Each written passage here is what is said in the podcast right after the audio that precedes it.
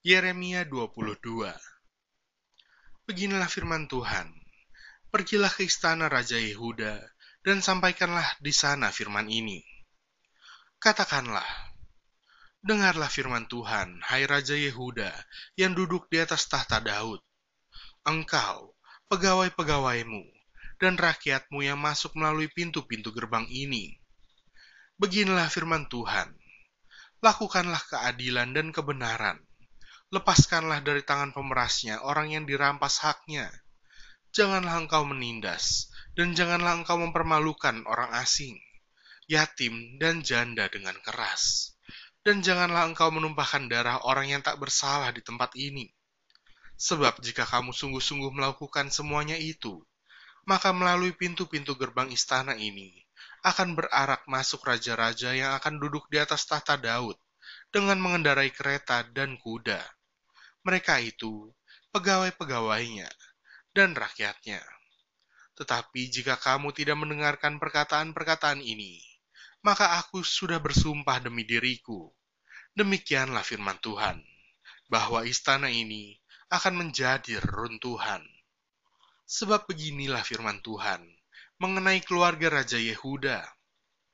Engkau seperti Gilead bagiku, seperti puncak gunung Libanon, namun pastilah aku akan membuat engkau menjadi padang gurun, menjadi kota yang tidak didiami orang. Aku akan menetapkan pemusnah-pemusnah terhadap engkau, masing-masing dengan senjatanya. Mereka akan menebang pohon aras pilihanmu dan mencampakkannya ke dalam api. Dan apabila banyak bangsa melewati kota ini, maka mereka akan berkata seorang kepada yang lain, Mengapakah Tuhan melakukan seperti itu kepada kota yang besar ini?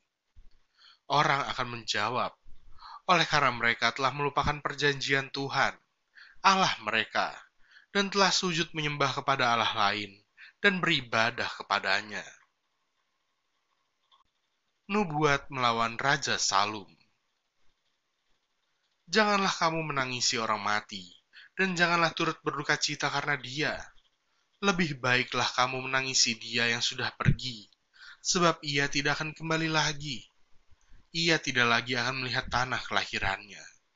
Sebab beginilah firman Tuhan mengenai Salum bin Yosia, Raja Yehuda, yang telah menjadi raja menggantikan Yosia, ayahnya, dan yang telah meninggalkan tempat ini.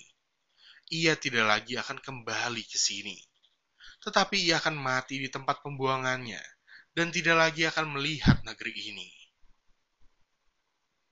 Nubuat melawan Raja Yoyakim celakalah dia yang membangun istananya berdasarkan ketidakadilan, dan anjungnya berdasarkan kelaliman, yang mempekerjakan sesamanya dengan cuma-cuma, dan tidak memberikan upahnya kepadanya, yang berkata, Aku mau mendirikan istana yang besar lebar, dan anjung yang lapang luas, lalu menetas dinding istana, membuat jendela, memapani istana itu dengan kayu aras, dan mencatnya merah. Sang kamu rajakah engkau, jika engkau bertanding dalam hal pemakaian kayu aras? Tidakkah ayahmu makan minum juga dan beroleh kenikmatan, tetapi ia melakukan keadilan dan kebenaran, serta mengadili perkara orang sengsara dan orang miskin dengan adil. Bukankah itu namanya mengenal aku? Demikianlah firman Tuhan. Tetapi matamu dan hatimu hanya tertuju kepada pengejaran untung kepada penumpahan darah orang yang tak bersalah, kepada pemerasan dan kepada penganiayaan. Sebab itu, beginilah firman Tuhan mengenai Yoyakim bin Yosia, Raja Yehuda. Orang tidak akan meratapi dia. Aduhai abangku, aduhai kakakku. Orang tidak akan menangisi dia. Aduhai Tuhan, aduhai Sri Paduka. Ia akan dikubur secara penguburan keledai diseret, dan dilemparkan keluar pintu-pintu gerbang Yerusalem. Nubuat melawan Raja Konya Naiklah ke gunung Libanon dan berteriaklah. Perdengarkanlah suaramu di pegunungan Basan. Berteriaklah dari pegunungan Abarim, sebab semua kekasihmu sudah hancur. Aku telah berbicara kepadamu selagi engkau sentosa Tetapi engkau berkata, Aku tidak mau mendengarkan. Itulah tingkah langkahmu dari sejak masa mudamu, sebab engkau tidak mau mendengarkan suaraku. Semua orang yang menggembalakan kamu akan dihalau angin ribut, dan para kekasihmu akan diangkut tertawan. Pada waktu itu, engkau akan menjadi malu dan bernoda dari sebab segala kejahatanmu. Hai engkau yang diam di gunung Libanon, dan yang bersarang di pohon-pohon aras. Betapa engkau akan mengeluh ketika kesakitan menimpa engkau. Kesakitan seperti yang ditanggung perempuan yang melahirkan. Demi aku yang hidup, demikianlah firman Tuhan. Bahkan sekalipun Konya bin Yoyakim, Raja Yehuda, adalah sebagai cincin meterai pada tangan kananku.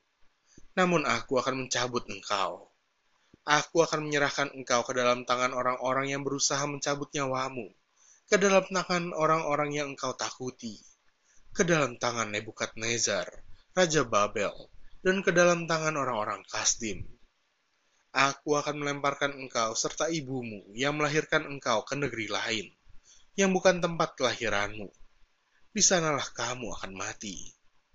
Tetapi ke negeri yang mereka rindukan untuk kembali ke situ, mereka tidak akan kembali. Adakah konya ini suatu benda yang hina, yang akan dipecahkan orang, atau suatu periuk yang tidak disukai orang? Mengapakah ia dicampakkan dan dilemparkan ke negeri yang tidak dikenalnya? Hai negeri, negeri, negeri, dengarlah firman Tuhan. Beginilah firman Tuhan. Catatlah orang ini sebagai orang yang tak punya anak sebagai laki-laki yang tidak pernah berhasil dalam hidupnya. Sebab seorang pun dari keturunannya tidak akan berhasil duduk di atas tahta Daud dan memerintah kembali di Yehuda.